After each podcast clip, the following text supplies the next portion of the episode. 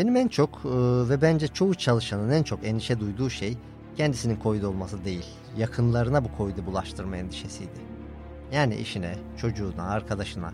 Hani doktor bile olsa arkadaşlarımızla görüşmekten bile kaçındık bu dönemde. Annesi kapıda içeri alınmıyor. Kız içeride abla ne olursun annemi içeri alın diye ağlıyor. İşte giyinip gittim kızın yanına siperlik maske giyinip tabii. Kız yoğun bakıma götürdük. 10 dakika sonra falan kız ölmüştü. Kulağınız bizde. Kısa Dalga'da olsun. Haber podcast'te buluştu. Kısa Dalga yayında. Türk Tabipler Birliği'nin ifadeleriyle söylersek salgın yönetilemiyor. Fırtına kapıda. Mevsimsel grip salgınıyla Covid-19 pandemisinin birleştiği bir sürece girmek üzereyiz. Belki de salgının çok daha ölümcül bir dönemini yaşayacağız. Ancak buna hazır değiliz. Çünkü salgının ön saflarında mücadele veren, Covid-19'u en yakından bilen, gören, ona müdahale eden sağlık çalışanları yorgun ve tükenmiş durumda.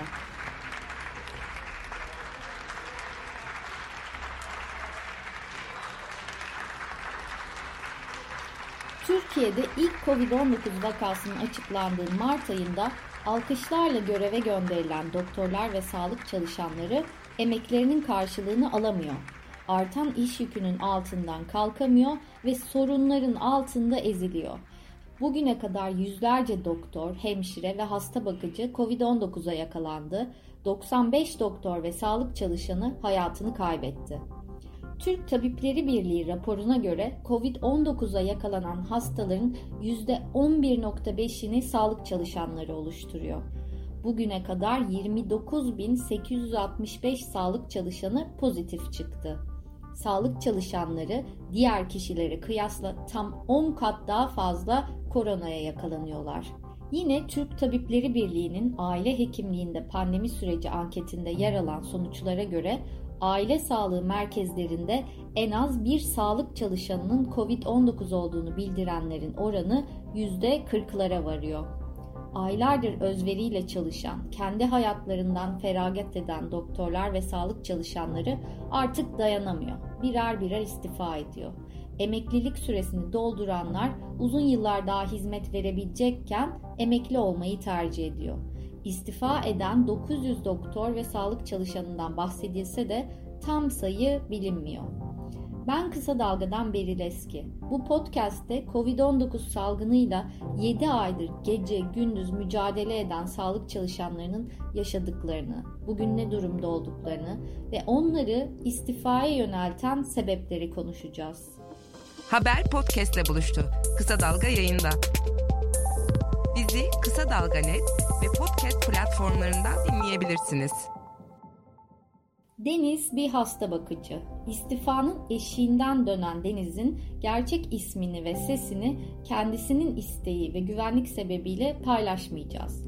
Bu nedenle Deniz'in sorularımıza verdiği yanıtları arkadaşımız Minez Bayılgen seslendirdi. Ama Deniz'in de dediği gibi insanlar onun hikayesini ve sağlık çalışanlarının ne yaşadığını duymalı. Deniz pandemi döneminde yaşadığı ayrımcılık, ağır iş yükü ve diğer zorluklar nedeniyle istifa etmeye karar vermiş. Daha sonra borçları, uğrayacağı hak kaybı, iş bulamama korkusu gibi nedenlerle istifadan vazgeçmiş. Ama buna ne kadar dayanabileceğini bilmiyor. Ben artık istifa edeceğim dedim. Bıktım canımdan bezdim dedim. Canından bezmek ne demek? Eşim psikiyatriye git diyordu. İstersen istifa et diyordu. Bir sürü de borcum var. İstifa edemiyorum. Yani 7 bin günümü doldurdum lakin onlar bana tazminat da ödeyemeyecek büyük ihtimalle 25 yıl şartı var diye. Ev borcum da var benim. İstifa etsem bu şartlarda nerede iş bulabilirim? 44 yaşındayım. İyi kötü bize bir kadro verdiler içi boş da olsa. Bunun için alıştığım yer, bildiğim yer diye hani sabretmeye çalışıyorum. Konuştuğum arkadaşlar da beni ikna, biraz ikna ettiler işte saçmalama olmaz öyle şey falan diye. 20 yıldır hasta bakıcılık yapan ve mesleğini seven Deniz, kendisini istifaya sürükleyen süreci şöyle anlatıyor. İki hafta pandemide çalıştım. Yaşadığım zorlukları zaten anlatamam yani anlatmakla bile tarif edilemez. Yemek yeme gibi bir lüksümüz bile yok. Yemek yemek gayri ihtiyari bir şey. Artık bayılacak duruma geliyorsun. Benim bu süreçte çarpıntım oluşmaya başladı. Kardiyoya gittiğimde bir şey bulamadılar. Panik atak olabilirsin dediler ama bana bir hap başlayalım dediler. O ilaca başladım. Hala var o çarpıntım. Böyle ağır iş yükünden midir, gerçekten psikolojim mi bozuldu ondan mıdır bilmiyorum. İki hafta pandemi katında çalıştıktan sonra üç gün izin yapıp kendi çalıştığım kata geri döndüm. Kendi çalıştığım katta farklı değil zaten. Orada da ağır hastalar var, yatalak hastalar var ve orada da Covid'li hasta çıkıyor. Hastayı yatırıyorlar, test alıyorlar, akşamına Covid'li çıkıyor hasta. Biz o hastayla muhatap olmuş oluyoruz. Covid kapma riski hasta bakıcı Deniz'i öylesine etkilemiş ki vasiyetini dahi yazmış. Ben Nisan ayı gibi vasiyet yazdım. Bu çok çok kötüydü yani borçlarımı filan. Oğlumu, sevdiklerimi bir daha göremeyeceğim diye uzun uzun oğlumun yüzüne bakıyordum. Yani gerçekten kötüydü. Şu anda da aynı şekilde lakin biraz daha alıştık gibi. Bir ara gerçekten uyuyamıyordum. Hala uyuyamıyorum. Sabah dörtte uyanıyorum. Kalkıyorum. Acaba yakalandık mı? Acaba bizde de var mı? Bazen psikiyatriye gideyim de ilaç başlasınlar diye düşünüyorum. Verimli miyim bilmiyorum. Psikolojim bozuldu. Yani çalışıyorum lakin zorlanarak çalışıyorum. Bu dönemde Deniz'i derinden etkileyen şeylerden biri de Covid yoğun bakımında nöbet tuttuğu sırada genç bir kadının ölmesi olmuş.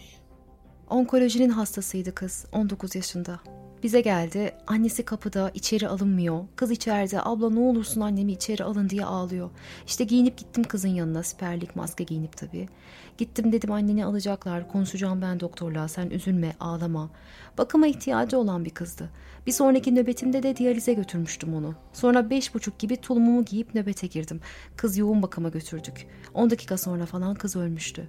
O beni çok etkilemişti. Hatta hemşireden fırça yemiştim kızla çok temas ettim diye. Hastalara çok yaklaşıyorsun diye ama umursamamıştım. Ben onun maskesini düzeltmiştim. Kendisi yapamıyordu. Zayıf bir çocuktu. Saçını okşamıştım. Bonesini düzeltmiştim. Hasta bakıcı Deniz, yoğunluğa yetişemediği anlarda kendisini çok çaresiz hissettiğini söylüyor. Yetişemediğim, oturup ağladığım anlar oldu. O oradan arıyor cebini, şu acil, bu oradan arıyor, bu acil. Yetişemiyordum, yapamıyordum. Yapıyordum, yetiştiremiyordum. Yani sürekli bir psikolojik baskı kurulmuştu üzerimizde. İşte telefonlarını niye açmıyorsun? Elim iyi değil, hasta bakımı veriyoruz dediğimde karşılıklı doktorla tartışıyorduk telefonlara niye cevap verilmiyor diye. Ağır yatalak hasta tek başıma 100 kiloluk hastayı film istiyorlar, tomografi istiyorlar. Kaldırıp götüremiyorum.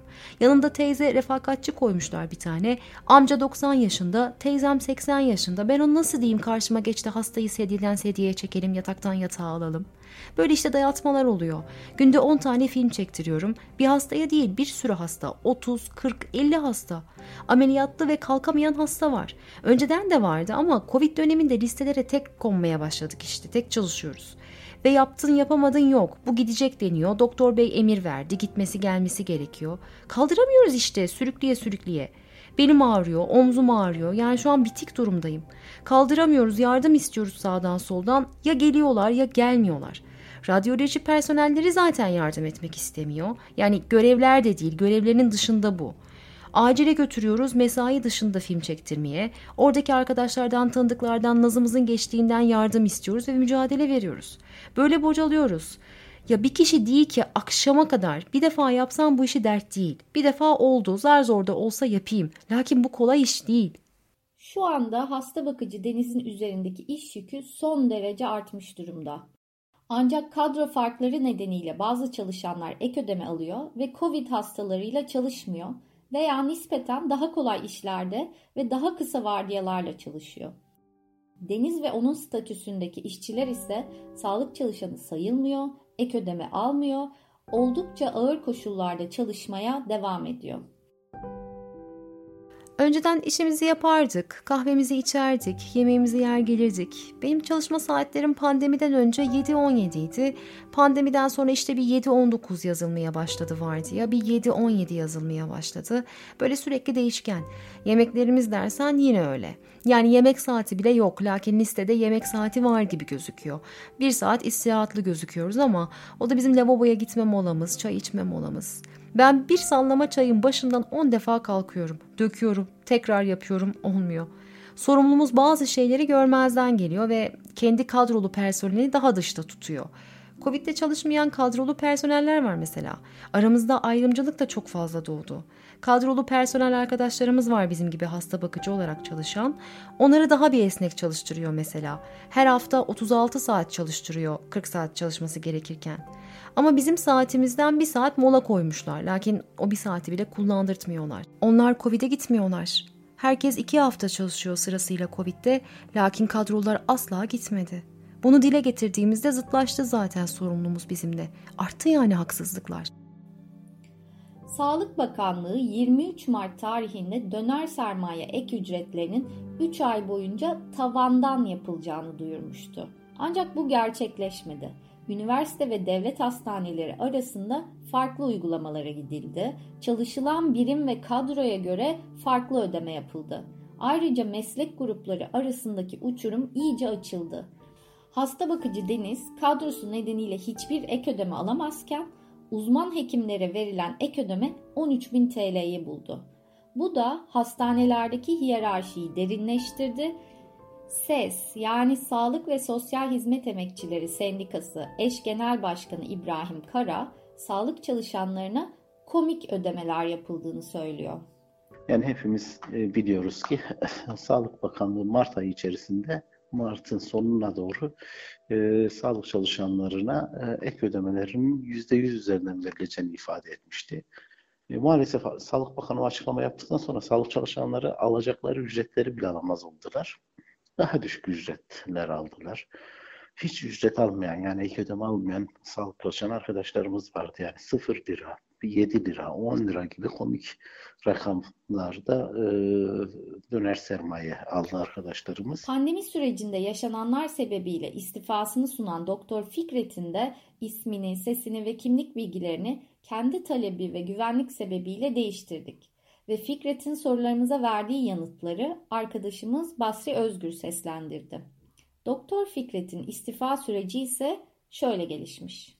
Bir yıl öncesiyle şu an o kadar farklı bir yerdeyim ki iş anlamında. Bir yıl önce işinden memnun, işini severek yapan, iş yükü çok olsa da arkadaşlarıyla iletişimde olan, yani hoş bir sosyal ortamın da desteğiyle bu işi yürüten bir hekimdim. Pandeminin başlamasıyla birlikte iş anımızın koronalı hastalara kaymasıyla her şey değişti. Öncelikle ailem ve kendim için endişe ettim. E, işimi de bir yandan devam ettirmem gerekiyordu. Buna rağmen iş yerinde başlangıçta esnek bir mesai uygulansa da branşım olmamasına rağmen COVID hastalarının içine dalmam beni çok etkiledi. Ben ne yapıyorum? Ben branşımdan çok farklı bir şey yapıyorum'a getirdi. Ardından arkadaşlarımızın böyle tek tek kopması, uzaklaşmasıyla birlikte iş yükümüz daha da arttı. Ee, ve ben de artık bu şekilde devam ettiremeyeceğimi düşündüm. Çünkü artık keyif almıyordum yaptığım işten. Doktor Fikret istifa eden diğer doktorların ardından iş yüklerinin son derece arttığını belirtiyor. Bizi en çok zorlayan artan bir iş yüküydü. Hem korona sebebiyle hem ayrılan arkadaşların bıraktıkları iş yükü nedeniyle kendi branşıma ait konularda iş yapamadığımı gördüm. Yani çalışan sayısına göre iş verilmeli diye düşünüyorum. 10 tane doktor varsa bir bölümde 10 kişilik iş yapılıyor. Doktorlardan 5'e ayrıldığı zaman bu sefer diğer 5'ine bütün yük kalıyor. Ve bu hiç düşünülmüyor bile. Yani o işi iki katı işi yapmak durumundasınız. Üstelik böyle koronalı bir ortamda. Daha farklı koşullarda, daha uygun koşullarda mesleğimi yapmak istiyorum. Covid'li hastayla çalışmak istemiyorum. Her zaman ben bu kararın zorluğunu yaşadım. Çünkü ben nasıl zorlandıysam, geride bıraktığım arkadaşlarımın da zorlanacağını düşünüyorum. Bu vicdanla ilgili bir durum. Tabii ki ben de bunu vicdani olarak düşünmek durumundayım. O yüzden çok daha önceden bu kararı arkadaşlarıma bildirdim.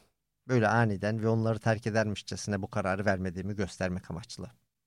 Fikret'i en çok zorlayan konulardan biri de sevdiklerine Covid bulaştırma endişesi olmuş.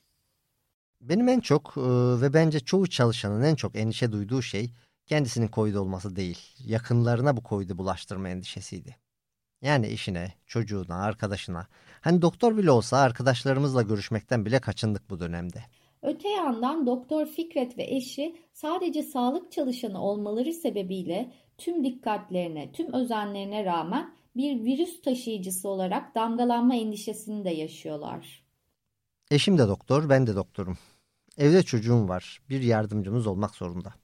Çocuğumuza yardımcımız gelir mi gelmez mi gibi endişelerimiz oldu. Çünkü iki doktorun olduğu eve bazen yardımcıların da gitmediğini, gitmek istemediğini duydum. O yüzden mesela yardımcının parasını yükseltmek durumunda kaldık. Aslında çocuk bakımı doktorların ve sağlık çalışanlarının en çok zorlandığı konulardan biri. Okullar kapalı, çocuklar evde ve bakıcı bulmak bir dert. Ayrıca sağlık çalışanları çocukları için izin de alamıyorlar. SES Eş Genel Başkanı İbrahim Kara, bir sağlık çalışanı için bu durumun facia ile sonuçlandığını anlatıyor. Örneğin 10 yaşın altında e, çocuğu olanlar, yani biliyorsunuz okullar kapalı şimdi. Ama sağlık çalışanlarının ebeveynleri, e, yani ebeveyn olan sağlık çalışanları izin alamıyorlar. Ee, diğer kurumlarda e, anne ya da babadan bir kişi idari izin alıp e, çocuğun yanında durabiliyorlar ama e, sağlık iş kolunda yine bu da e, imkansız. E, hatta e, sanırım Yozgat'taydı. E, bir anne e, çocuklarını, iki tane çocuğunu e, komşuya bırakıp nöbete gidiyor. Evde yangın çıkıyor ve iki çocuğu hayatını kaybediyor. Bizi Kısa Dalga Net ve podcast platformlarından dinleyebilirsiniz.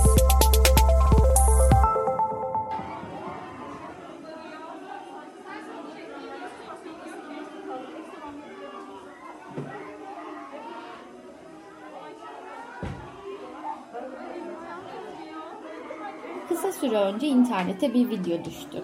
Keçiören Eğitim ve Araştırma Hastanesi'nden gelen bu görüntülerde doktorlar, hemşireler ve diğer sağlık çalışanları hastaneyi basmaya çalışan hasta yakınlarına karşı kapıyı kapatıyor. Sedyelerle ve bedenleriyle kapıda barikat kuruyorlardı. Neyse ki o kapı açılmadı, sağlık çalışanlarına bir zarar gelmedi. Peki ya o kapı açılsaydı Ertesi gün hastaneyi ziyaret eden SES Ankara Şube Eş Başkanı Nazan Karacabey yaşananları şöyle aktardı. E, olay e, Keçiören Eğitim Araştırma Hastanesi'nin acilinde gerçekleşiyor. İşte bir çatışma sonrasında e, gelen iki yaralıdan biri aile e, kardeş oldukları söyleniyor. E, hayatını kaybediyor.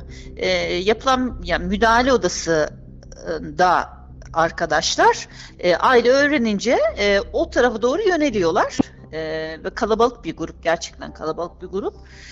E, hastane güvenliği ilk etapta hani dışarıdan e, arkadaşlar kapıyı kapatınca onlar a, a, şeyle kalabalıkla o kapı arasında arkada da çalışan arkadaşlar e, cam kapıyı kapatıp şey sensörlü kapıyı kendi güvenliklerini sağlamaya çalışıyorlar. E, yani Allah'tan çok büyümeden müdahale ediliyor filan ama yani siz de izlemişsinizdir görüntüleri. Gerçekten insan tüylerini diken diken eden bir görüntü. E, hasta bakımın tedavisinin devam ettiği bir odada. E, kendilerini korumak zorunda kalıyorlar e, sağlık çalışanları. Ve olaydan sonra da aynı şekilde sabaha kadar mesailerini tamamlıyorlar. Her ne kadar bakanlık ve yetkililer olayla ilgili açıklama yapsalar da, soruşturma başlatsalar da, kısa süre önce MHP lideri Devlet Bahçeli'nin doktorlara hedef gösteren Türk Tabipleri Birliği koronavirüsü kadar tehlikelidir ve gereği acilen yapılmalıdır şeklindeki sözleri akıllardaydı. Pandemi döneminde de hani giderek böyle hasta şey arttıkça, e, sayısı arttıkça, insanların etrafındaki hasta e, sayısı arttıkça da e, yani şey olmaya başladık yani toplumca e, öf, öfkelenmeye başladık. Şimdi zaten e, hatırlarsanız bu pandemi öncesinde e, sağlık meslek örgütleri beyaz miting için hazırlık yapıyordu. Yani e, belirlenen şeyler vardı. Beş temel madde vardı ve bu maddelerin e, çerçevesinde şiddet yasasının çıkmasını talep edecektik. E, hemen akabinde pandemi kopunca e, şeyi geri çektik biz yani hani o öyle bir ortamda miting yapılamaz. Zaten var olan bir şiddetin içinde karşılandı pandemi. Doğru. O yüzden pandemi sürecinin e, şiddeti daha da körüklediğini söyleyebiliriz. Hani bunu medyadan takip ettiğimiz kadın cinayetlerinde de çocuklara yönelen şiddette de tacizde de görebiliyoruz yazık ki yani. İstanbul Tabip Odası Başkanı Pınar Sayıp de sağlıkta şiddetin özellikle bundan sonra artabileceği fikrinde. İlk başlarda özellikle zaten hastanelerdeki o çok yoğunluk azalmıştı. Ee, ama giderek salgının artması, daha fazla insanın başvurması ve süreçte yaşanan sıkıntıların e, çoğu maalesef e, hekimlere ve sağlık çalışanlarına mal edilebilir. E, şimdi son günlerde biraz görmeye başladık. Ölen e, hasta yakınlarının e, sorun çıkardığını hastanelerde e, darp ettiklerini sağlık çalışanlarını duyuyoruz. Bu biraz tabii ki ortamda e, özellikle şu anda çok gereksiz olan söylemler var. İşte Türk Tabipler Birliği'nin e, kapatılması gerektiğini vesaire gündeme getiren, e, vatan hainliğiyle eşdeğer bulan ki tabiplerin çoğu buraya üyedir. Türk Tabipleri Birliği'ne bu tür e, siyasetin kullandığı dil ve söylem önemlidir. Biz e, geçen haftayı özellikle e, siyah e, kurdele eyleme yaptık. Hem e, hastanelerde biz dakikalık saygı duruşunda bulunduk. Bunlar bizi iyileştirsin diye de yapıyoruz. Hem de tabii ki yetkililere şeyi hatırlatmak için e, sorumluluklarını, e, gereken yapmaları gerektiğini, insanların hastalanmaması için gerekli önlemleri alması gerekiyor. Çünkü Covid önlenebilir e, bir hastalıktan söz ediyoruz. İnsanlar mecbur değil Covid olmaya. Sanki rakamları görünce bu sıradan sıradanlaşmış durumda ama bu önlenebilir bir hastalık. Doktorlar ve sağlık çalışanlarının yaşadığı bir diğer sorun ise Covid sebebiyle hayatını kaybeden meslektaşlarını anmalarının, onlar için dayanışmalarının engellenmesi. Ee, biz burada tabip odası olarak özellikle bu yaz ve şey sürecini, üzülme sürecini paylaşmak istiyoruz. Burada dayanışma çok önemli. Bu nedenler de e, kaybettiğimiz meslektaşlarımızın olduğu hastanelerde saygı duruşunda bulunmak, işte tüm e, sağlık çalışanların bir araya geleceği ortamları yaratmaya çalışıyoruz. Bu bile zaman zaman engellemelerle karşılaşılıyor. Çok ilginç. Örneğin e, Yavuz Kalaycı arkadaşımız e, öldüğünde çocukları küçüktü. Onlara yönelik bir e, valilik izniyle dayanışma kampanyası başlattık ve bunun çok yayılması, basında yer alması sonucunda e, valilik e, bunu bir şekilde durdurdu. Bir diğer sorun ise sağlık çalışanlarının diğer insanlara kıyasla 10 kat fazla Covid kapmasına ve Uluslararası Çalışma Örgütü'nün kararlarına rağmen Türkiye'de Covid-19'un sağlık çalışanları açısından meslek hastalığı ve kazası olarak kabul edilmemesi. İstanbul Tabip Odası Başkanı Pınar Sayıp yetkililerin bu talebe neden direndiklerini şöyle açıklıyor. Şundan ötürü bir diyorlar ki bu gerçekten hastanede mi aldı yoksa başka bir ortamda mı ailesinden mi aldı gibi e, bu hastalığı kaptığı yer konusunda e, belirsizlikler olabilir. Yani illa da hastanede çalışırken kapmamış olabilir. E, bir de tabii bunu bir meslek hastalığı ve iş kazası e, kapsamına aldığında şey sorumluluk üstlenmek zorunda. Çalıştıran iş yeri. Gerçekten önlemler alındı mı? Gerekli tedbirleri aldılar mı? E, koşullar uygun mu çalışıyor orada hekimler ve sağlık çalışanları bunları sağlamak zorunda. Bu da çok kolay bir şey değil. Sağlamadığı saptandığında da suçlu e, duruma düşecek. Bunlar e, biraz önündeki engeller. Sağlık çalışanları arasında hastalık yayılıyor. Ölümler ve istifalar artıyor. Mevsimsel salgın hastalıklar yaklaşıyor. Ancak sağlık çalışanları tükenmiş durumda. Bu koşullarda çalışmaya ne kadar devam edebilirler? Aslında konu dönüp dolaşıp aynı yere geliyor. SES eş başkanı İbrahim Kara'nın da dediği gibi salgın yönetilemiyor ve yetkililerde bunu çözecek irade bulunamıyor.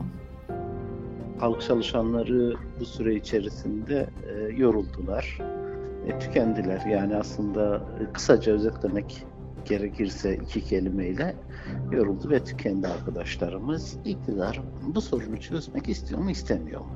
Çözmek istenildiği andan itibaren her şey o kadar kolay ki. Yani otururuz bir masanın etrafına.